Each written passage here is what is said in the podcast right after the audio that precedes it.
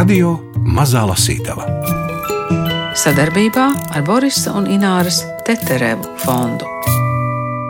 Jānis un Eriks Streiči, acīgi dzīves vērotāji, stāstnieki un smējēji par cilvēku vājībām, nesaudzējot paši sevi. Šoreiz stāsts būs par Ēriku Streiču, kurš brauca jūrā un gandrīz nepiepildīja Paula Putniņa paredzējumu, ka viņš kļūs par rakstnieku. Kaut gan tagad viņš ir rakstnieks. Izdota Ērika Streiča grāmata Latviešu dēkainis Krievu armijā, kuru pats Ēriks gan nesagaidīja. Un tā mēs šodien lasām Ērika Streiča grāmatu grāmatu, bet sazvanāmies ar viņa brāli, kino režisoru Jānis Streiču, kuram arī ikdienā ir garas telefona sarunas ar Gundaru Āboliņu. Hello. Sveicināts Streiča kungs, Latvijas rādio Ingvilds Strautman un Gundars Āboliņš. Sveiks, Jāni! Sveiki! Sveiki, sveiki! Man prieks, ka mēs varam sazvanīties vismaz. Kā jums Jā. iet, Jāni? Brīnišķīgi jūs pazvanījāt, pagodināt jūtos šī drūmajā laikā. Jā. Nu, bet nu jau ir sniedziņš balts uzsnīdis, nu jau vajadzētu drusku gaišāk nu, jā, un vieglāk. Sniedziņš balts, tas labi, viss ir labi. Miers un siltums vēl ir dārgi un gaismai, paldies Dievam. Es atceros, ka bija karš tur nesenos laikos. Tad Azerbaidžana Armēnija, es biju aizņemts savienībā, Maskavas sekretārā darbojos mūsu. Un tad ierodās draugs no Armēnijas kinorežisors ienāk. Puiši ārprāts, pirms ir gaisma un siltums. Ak, Dievs, es sāku, es skatās uz priekšiem raudonīs no laimes. Tur bija tas pats, kas Ukrainā. Mums, mums maz ziņoja par to toreiz. Tā kā paldies, mums arī siltums, gaisma, brīnišķīgi. Jā, mūsu priekšā ir grāmata. Tev brāļa Ērika Streiča sarakstītas latviešu Jā. dēkaņa atmiņas Krievu armijā. Jā. Nu, diemžēl pats brālis nesagaidīja šās grāmatas iznākšanu, bet te arī ir daudz kas balstās uz atmiņām. Protams. Bet pats es lasīju jau. Jā, jā. Protams, man jau tur ievada ar rakstīju, tas par to nosaukumu ar lauziem galvu. Es jau daudzus tos stāstus zinu, un viņš jau mums rakstīja arī no armijas, kad dienēja bet vēl agrāk uz jūras gāja, tad viņš rakstīja tik garas vēstules, no tās 17, 20 lapušu apjomā, lasīju fakultātes biedriem, Raina Matīs, Mikls Kublīns, Pauls Putniņš, Andrejs Mīlēriks Lāt. Viņi smējās un Pauls gaidīja rakstnieks, dāvas dots talants gaidiem. Bet, teiks, atbrauc, aizgāja tik daudz darba, viņam interesē vairāk pati dzīve. Nu, un uh, Pauls kādreiz tādā kompānijā, Pauls Putniņš, saka, Ērika, tu mani pievīli, kā tu, un tas man šausmīgi žēl, ka Pauls Putniņš to nepiedzīvoja. Un man drausmīgi žēl, ne tik daudz, ka Ēriks nepiedzīvoja, bet tāpēc, ka viņš neuzrakstīja vairāk, viņš to būtu varējis. Jo, kā es rakstīju, ievadāju, ka viņam tāds izcils novērotājs, novērotājs spējas bija, un tādās komiskās detaļās cilvēku vājības viņš redzēja to smējamies. Viņam bija fantastiska atmiņa. Nu, piemēram, es kaut ko stāstu, vai tu pazīsti to vai to. Viņš saka, nu, tas notika tanī, tanī gadā, man bija jābrauc uz Moldāviju toreiz, es gāju staciju. Pēc biļetes atpakaļ ejot, mēs ar tevi bijām kopā, satīkam Krivānu. Un pēc tam es ar Grīvānu kopā aizgāju, ja viņi aizgāja tur pie grasa, viņi kaut kur sāk stāstīt. Ātrāk, to visu atcerieties, saka, tev prasa. Tu tādu Murānu pazīst diezgan skolotājs par draugs, bija, saka, mākslas vēstures. Nu, kā viņš saka, reizekne, viņš mums iemācīja, kā vajag gaļu cept. Kā, kā, kad cep gaļu, vajag pieliet mazliet ūdeni. Fantastiski atmiņojami. Jāni, e, izmantosim Jā. to iespēju, ka mēs esam tevi sazvanījuši, un manā priekšā ir grāmata, un tagad uh, radioklausītāji to klausīsies pa radio, un tu klausies pa telefonu. Jā. Atkal redzēšanās prieks. Ar brāli Ēriku visu mūžu esam jutušies kā puikas, kas baudot atkal redzēšanās prieku, saskrienas kopā pēc vasaras brīvdienām. Tādi prieki mums sākās jau bērnībā. Karš bija izpostījis mūsu ģimeni. Tēvs, kā latviešu leģionārs, palika Eiropā, tad nāve atņēma mammu. Es jau gāju 4. klasē, kad mazo brālīti aizveda pie radiem uz Kandavu. Viņam ritējis septītais gadiņš un septiņus gadus ilga, arī mūsu šķiršanās līdz varēja viņu apciemot. Mani sagaidīja pusaudzis. Mūsu kopā būšanas prieks bija īss, jo sekoja jauna šķiršanās un atkal uz septiņiem gadiem. Jau biju izdienējis armijā un studēju režiju, bet Ēriks piepildījis savu sapni brauca jūrā. Tiekoties šis jauneklis likās svešs, taču tiklīdz sākām runāt, tas pats mīļais brāļuks vien bija kā bērnībā. Tomēr sekoja kārtējā šķiršanās. Jūrnieki reti tiek mājās, it sevišķi no tālajiem austrumiem, tāpēc sūta vēstules. Es lasīju tās kursa biedriem. Mani klausītāji sajūsminājās, un Pauls Putniņš pareģoja brālim rakstnieka karjeru. Diemžēl, pārradies mājās, Ēriks pārslēdzās uz mutvārdu žanru, gūstot Minhausena slavu katrā jaunā darba vietā. Duntas muzejā pat esot piedāvājuši viņam štata vietu slavenā fantasta lomā, protams, jokojot. Bet Pauls Putniņš kādā reizē ar neviltotu sāpi novaidējās: Ak, Ērika, Ērika, kā tu mani pievīli! Mūsu draugs gaidīja, kad brālis sāks rakstīt, taču Ērikam nebija vaļas. Viņš mainīja profesijas ne jau kā neveiksminieks, bet jaunas pieredzes meklētājs. Vienmēr un visur labi ieredzēts, apveltīts ar apskaužamu komunikācijas talantu, galants pret dāmām, bolševiku laikā uzrunājot tās par kundzēm vai jaunkundzēm. Arī vīrieši nesūdzējās, kad viņš tos godāja par kungiem. Es abrīnoju brāļa atmiņu un prasmi veikt daudzus darbus. Viņš bija interesants sarunbiedrs jo daudz bija lasījis un piedzīvojis. It īpaši mīlēja Knutu Hamsunu, kura kopoto rakstu 30 sējumus ne tikai izlasīja, bet kopā ar sievu Maiju apceļoja vietas, kam saistība ar rakstnieku dzīvi un darbiem. Galu galā pastrādājis krietni pāri pensijas gadiem, brālītis apsēdās, lai rakstītu. Žēl, ka šo notikumu nesagaidīja mūsu draugs Pauls Putniņš bet visvairāk žēl, ka brāļa nāve atņēma to, ko viņš vēl būtu varējis mums stāstīt par dzīvi attīstītā sociālisma epohā. Ēriks bija acīgs dzīves vērotājs un smējējis par cilvēku vājībām, pat nesaudzējot sevi.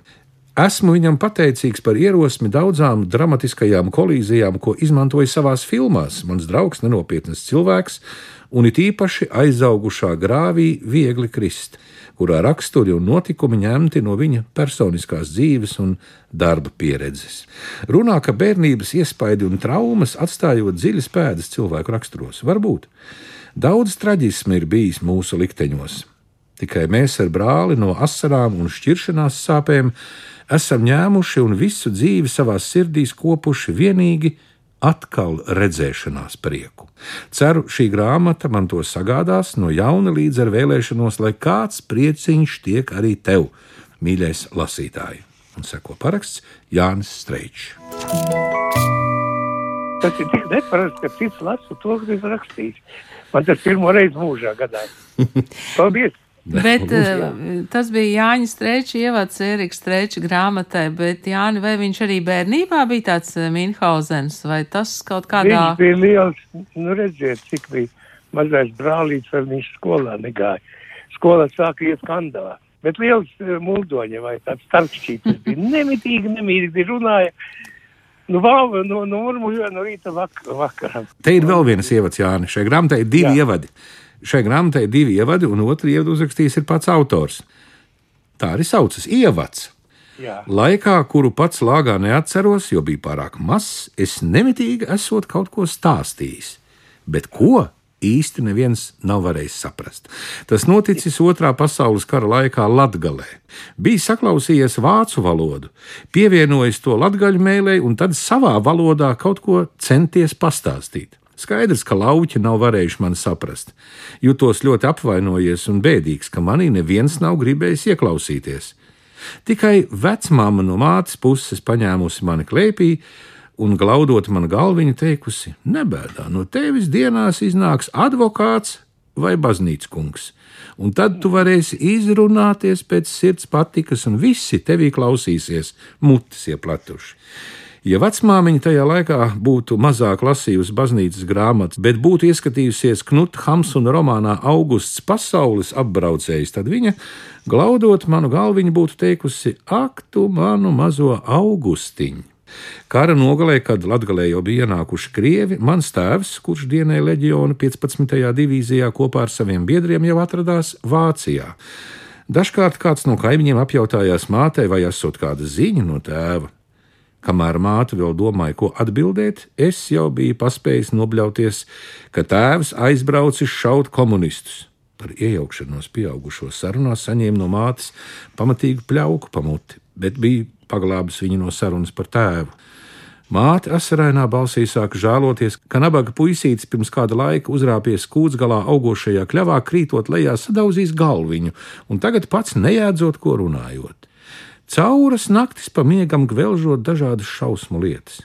Es jau gribēju iejaukties un teikt, ka nekādā kļavā neesmu kāpis, bet man vēl džingstēja galva un sūrstēja vaigs no iepriekšējā mātes belziena, tāpēc turēju muti. Par tēvu vairs netika runāts, bet gan spriedelēts par manu slimību un par to, pie kādiem doktoriem man vajadzētu vest, lai glābtu, kas vēl glābjams. Kad beidzās karš, māte sapratusi, ka bezcerīgi gaidīja tēva atgriešanos un zinot, ka viena četrus bērnus nepavilks, aizveda mani uz kurzemi pie vectēva brāļa. Viņš bija baptists, kuram attālā meža ielokā bija liela saimniecība ar astoņām govīm, trīs ķēvēm, daudz dažādiem sīklopiem, kā arī pilna māja ar bijušajiem 19. divīzijas leģionāriem, kuri nebija padavušies krieviem un gaidot angļus, palīdzēja saimniecības darbos. Tur nu es droši varēju stāstīt, ka tēvs aizbraucis šaut komunistus, un par to neviens man pamuti nesita, bet tieši otrādi runāja, ka esmu labu ļaužu bērns. Mežonieki bija jautras dabas, spēlēja kārtas un stāstīja anekdotas, kuras man trakoti patika, un mācīja, kā smalki izturēties pie galda un kā pareizi lietot ēšanai paredzētos instrumentus. Kad angļus nevarēja sagaidīt, mežonieku kļuva aizvien mazāk, bet no viņiem saklausītās gudrības mani vēl vairāk iedvesmoja uz stāstīšanu. Izejot pasaulē, sākot braukt jūrā un nokļūstot jūrnieku sabiedrībā, tikt pie vārda, lai kaut ko pastāstītu, nemaz nebija tik viegli. Vajadzēja ilgi dauzīt ar dūri pa galdu, līdz apgāzās glāzes un pudeles un bļaut, atļaujiet taču arī man kaut ko pastāstīt. Ērika Streiča grāmatu Latviešu dēkainas Krievu armijā lasa Gundars Āboliņš kopā ar Jāni Streiču, atceroties dažne dažādus armijas piedzīvojumus, un ja tos un vēl citus kopā saliktu, iznāktu viena īsti laba filma.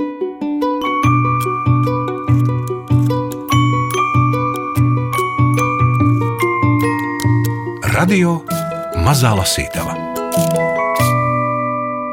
jā, tas bija Ērika Streča ievads, bet Jāni, tad, kad jūs abi tikāt kopā, kā jūs varējāt tikt pie vārda, vai, vai kurš bija tas, kurš runāja un kurš klausījās? Nu, tīs pēdējām brīdī žēl, ka nebija klāt magnetofona, tāpēc, ka mūsos abos atraisījās un asprātība. Mēs viedzam viens par otru atbildēm, runājot pa telefonu.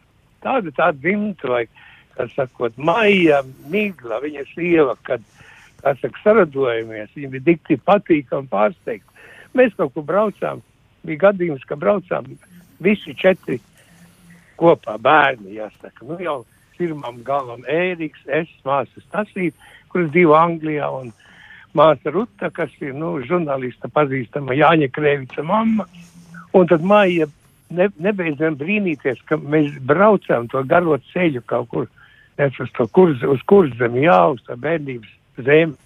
Tad vienos smieklos tas pagāja tur un atpakaļ.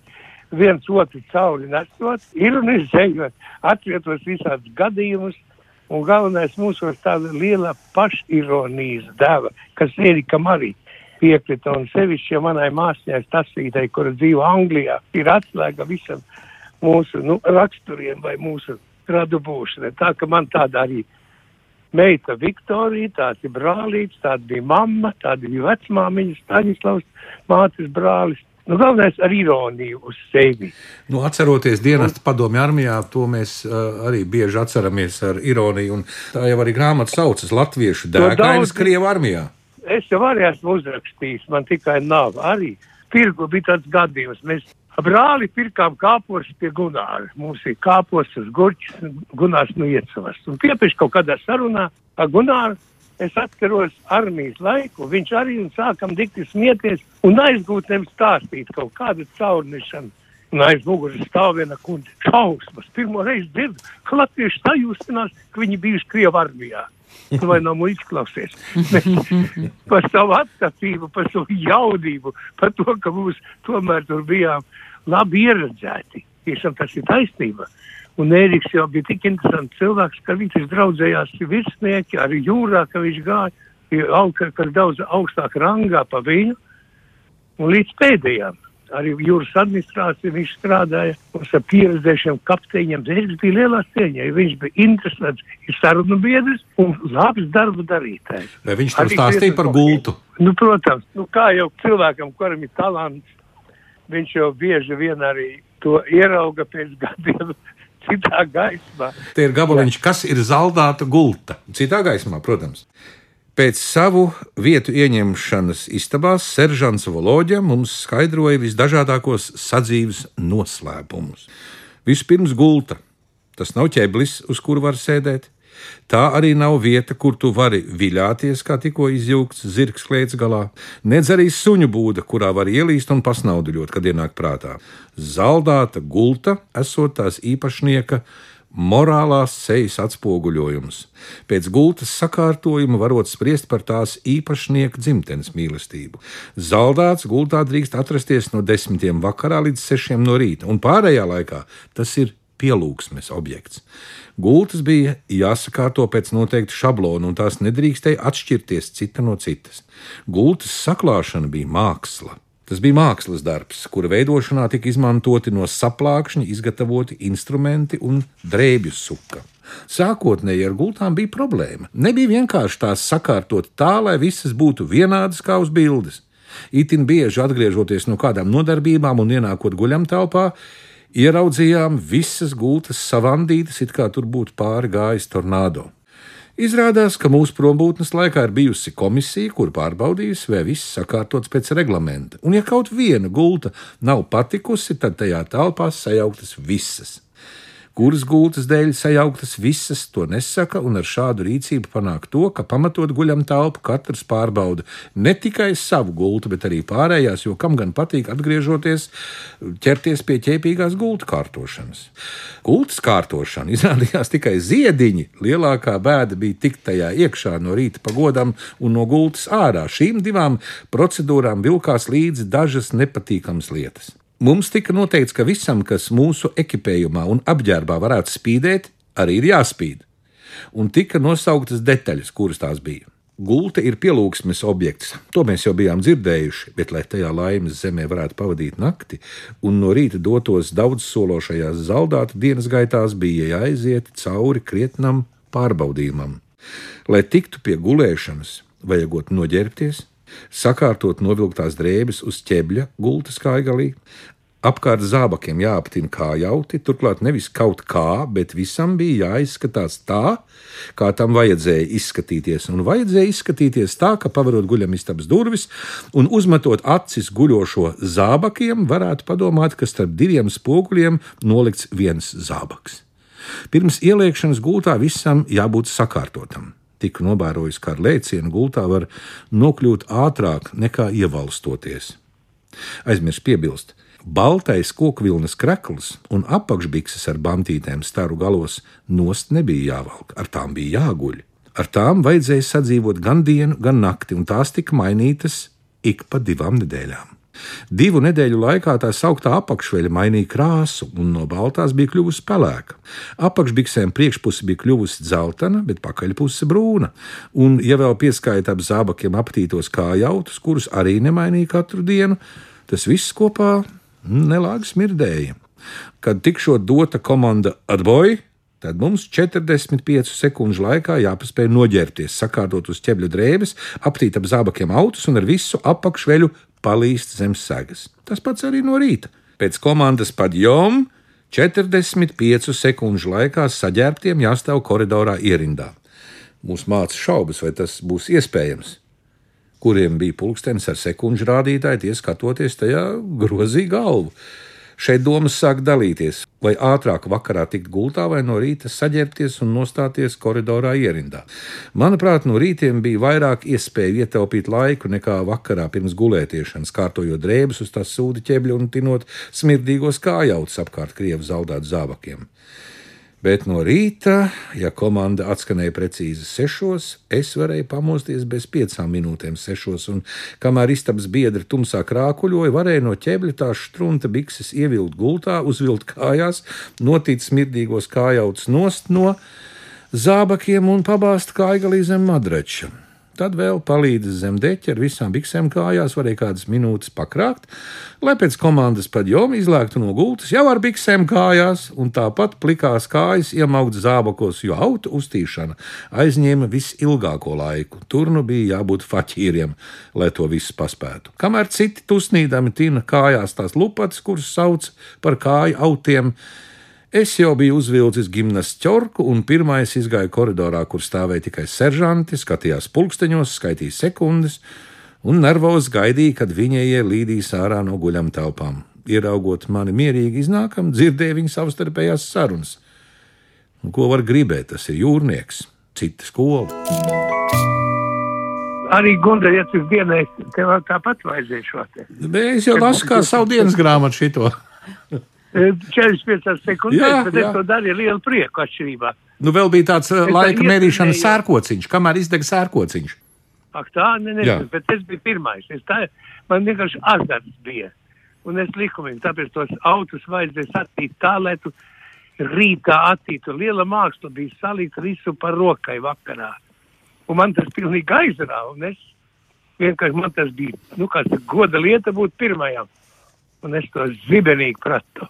Un kad es jau mācījos konservatorijā pēc armijas, un es momentā tuvojos tas laiks, es jau biju augšā. Un kā aicināju, mēs bijām kādi četri vai pieci cilvēki kopmītnē. Vāgner ielā tad bija kopmītne.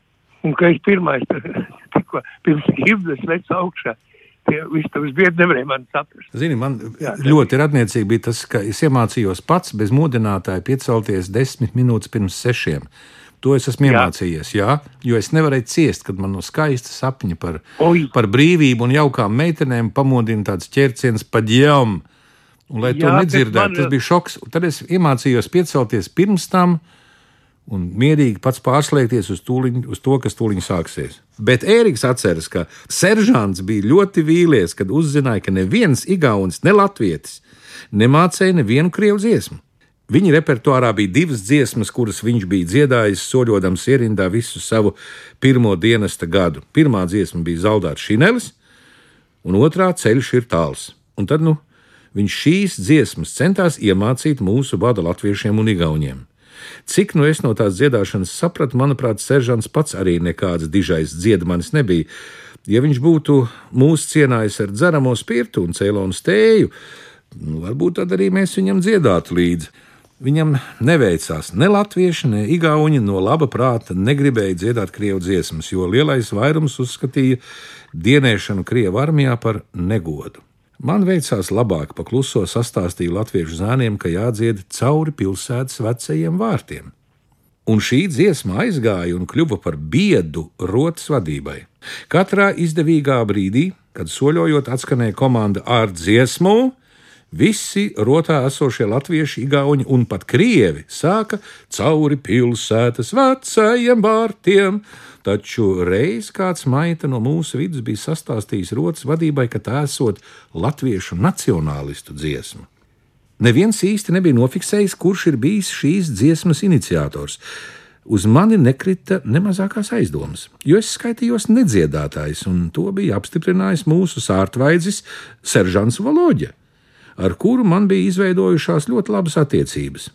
Skolas vadībai par dziesmu bija radusies liela interese, un beidzot mani, kā vienu no gados vecākajiem, izsauca skolas direktora vietnieks politiskās audzināšanas jomā apakšpulkvedis Leonovs. Es viņam visā nopietnībā izskaidroju, ka šo dziesmu dziedāja latviešu sarkanie strēlnieki, kuri apsargāja Leņinu. Un šī dziesma dažam labam šeit no iesauktajiem nepatīk, jo viņš nemīl sarkanos strēlniekus. Pēc šīs sarunas mums šādi un tad atļāva, soļojot šo dziesmu uzdziedāt. Jāni, ja varētu, tad šī būtu viena rīktīgi laba filma, vai ne? Nu, protams, jā, jā, jā. Mums ir daudz, ja vēl savākt arī citu karavīru latviešu gaitas, jo Ēriks te jau, nu, tā ne tikai par sevi, bet par to kopēju latviešu garu. Jo tiešām tas strēlnieku gars sagādāja mums jau slāvu pirms iesauc armijā. Mūs no Rīgas aizdzen uz Voraņešu simts cilvēku uz autoskolu. Un nākošā dienā mēs visi simts, simts latvieši jau bijām kļuvuši par mm, komandiera atdeļiņu, ka mazākā vienībiņa, kur kā septiņi cilvēki, un visi mēs jau bijām komandieri, tāpēc, ka esam no Latvijas. Ērika Streiča grāmatu Latviešu dēkainas Krievu armijā izdevusi Zvaigzne ABC. Stāstu par slēpēju Moldāvieti Leonoru un Argentīnas aktrisi Lolitu Torresu lasiet vai klausieties internetā, kā arī populārākajās raidierakstu vietnēs. Jā, bet ir vēl arī stāsti par, par Moldāvieti Leonoru, ir vienkārši ļēru. Jā, jā. Kuģa remonta laikā Kārlis šeit bija sastapis savu lielo mīlestību. Kā lielo, par to viņš nešaubījās. Un nu Kārlis spēra ārā visu, kas viņā bija sakrājies, un slūžas bija vaļā. Un man nācās dzirdēt, kā viņš bija sastapis šo sievieti, kura bija tik līdzīga viņa jaunības mīlestībai, Argentīnas aktrisei un dziedātājai Lolitai Torresai. Tajā viņš bija iemīlējies, skatoties kaut kādu filmu, kuras nosaukumu es vairs neatceros. Viņš ņēma no krūšu kabatas ārā kara klausības apliecību un komjauniešu biedra karti, un starp šiem dokumentiem bija nobružāta fotografija, kādas tam laikā ar slaveniem padomju un ārzemju aktieriem pārdeva avīžu kioskos. Piebāzis man pie deguna šo fotografiju, Kārlis bakstīja tajā ar pirkstu un skaļā čukstā. Vairāk kārt atkārtoja: Tā ir Lolita! Tā ir Lolita! Tad Kārlis parāva uz augšu kreiso piedurkni, un uz atkailinātās rokas dāvnas parādīja ietatovētu vārdu - Lolita. Šī Argentīnas Lolita esot tikai 9 gadus vecāka par viņu, bet dzimšanas dienas abiem esot 26. martā, un viņa līdz šim brīdim vēl nesot precējusies, bet par bēgšanu uz Argentīnu kopš sastapis Leonoru viņš vairs nedomājot. Kaļiņingradas sieviete esot Moldāviete, atraitne, vārdā Leonora. Vīrs pirms pusotra gada Atlantijā ar visu silķu kuģi aizgājis pa burbuli, un nu viņa esot viena pati. Pašreiz pilsētas nomalē privātmājā īrējot vienu mājas galu. Mājas saimnieki ir divi bezbērnu pensionāri, lāga veči Pensijas šiem traki mazas, bet saimnieks tecinot kanģu un ietirgotā nauda palīdzot izdzīvot. Bet trakākais jau ar šo Leonoru esot tas, ka arī viņa dzimusi 26. martā, un vēl trakāk kā ar Kārli vienā gadā. Un esot tāda līdzība ar to argentīnieti, ka varot padomāt, ka viņas ir dviņu māsas. Un tad viņš no kara klausības apliecības izņēma mazāka izmēra fotografiju, no kuras pretīm smaidīja tumšmate, kuru nezinātājs varētu sajaukt ar slavenu argentīnieti.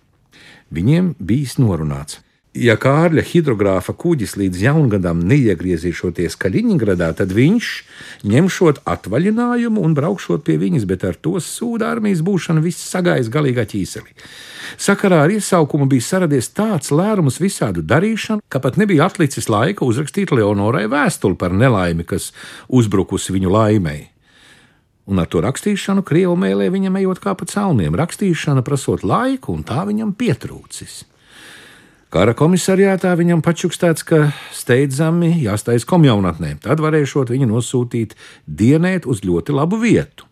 Iestāties komjaunatnē 24 gadu vecumā un vēl ņemot vērā viņu popularitāti Liepājā, kur viņu pazina katrs sevi cienošs suns, nemaz tik viegli nesot bijis. Vajadzējis sameklēt ieteikumus, raksturojumus un pat kādus galvotājus. Tad nu viņš esot skrējis ar asti uz alkoņa pa visu liepāju, meklējams visu nepieciešamo, lai kļūtu par komjaunieti. Un beigu galā tas bija tā vērts, pateicoties komjaunatnē, viņš atkal nokļuvis Kaļiņgradā. Nu, bet kā ar tām slēpēm es viņu tincināju? Kāda vēlna pēc tu piņķerējies ar tām virsnieku slēpēm? Labi, Tu no tiem slēpju klamburiem varēji neko nesaprast, bet tev tak vajadzēja būt kādai sajēgai, ka tāda auguma slēpes tev būtu derējuši tikai skolas trešajā klasē. Kārlis kādu brīdi dziļumīgi mani skatījās, un tad sāka runāt: Redzi, draugs, ja runāsim par slēpēm, tad virsnieku slēpes ir uz pusi vieglākas par zaldātu slēpēm. Un jo īsākas, jo vēl vieglākas. To katrs pirmziemnieks tev pateiks. Ar īsākām slēpēm vieglāk pārvietoties, nesot tās uz pleca vai padusē. Vienīgais traucēklis, nesot slēpes uz pleca vai padusē, esot tās divas slēpju nūjas. Viena nūja ir ļoti vajadzīga. Vieglāk noturēties uz kājām pie zināmiem apstākļiem, bet otrs esot jau par daudz, tā mūžīgi krītot zemē un pinoties pa kājām kur esot bijusi galva tiem slēpju izgudrotājiem. Pilnīgi būtu pieticis ar vienu slēpju un vienu nūju, jo tad viegli vienu roku pie vajadzības var izbrīvot, un ja tev viena roka ir brīva, tad ar to daudz ko var padarīt.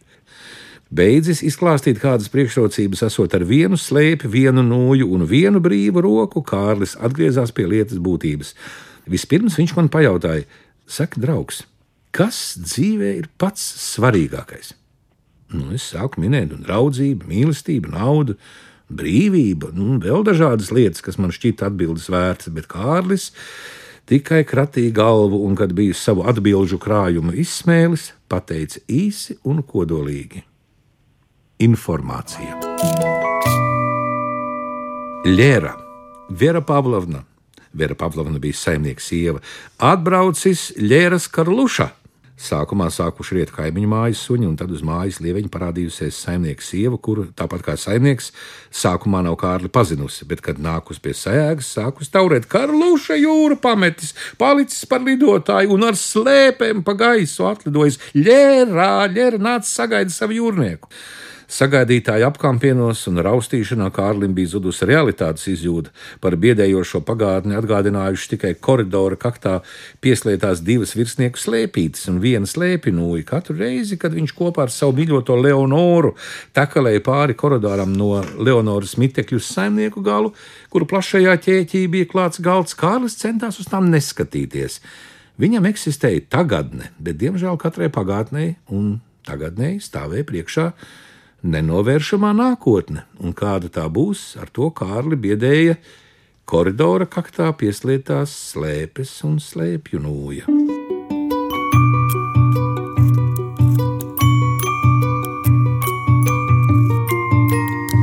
Radio Mazā Lasītava Sadarbībā ar Borisa un Ināras Teterevu fondu.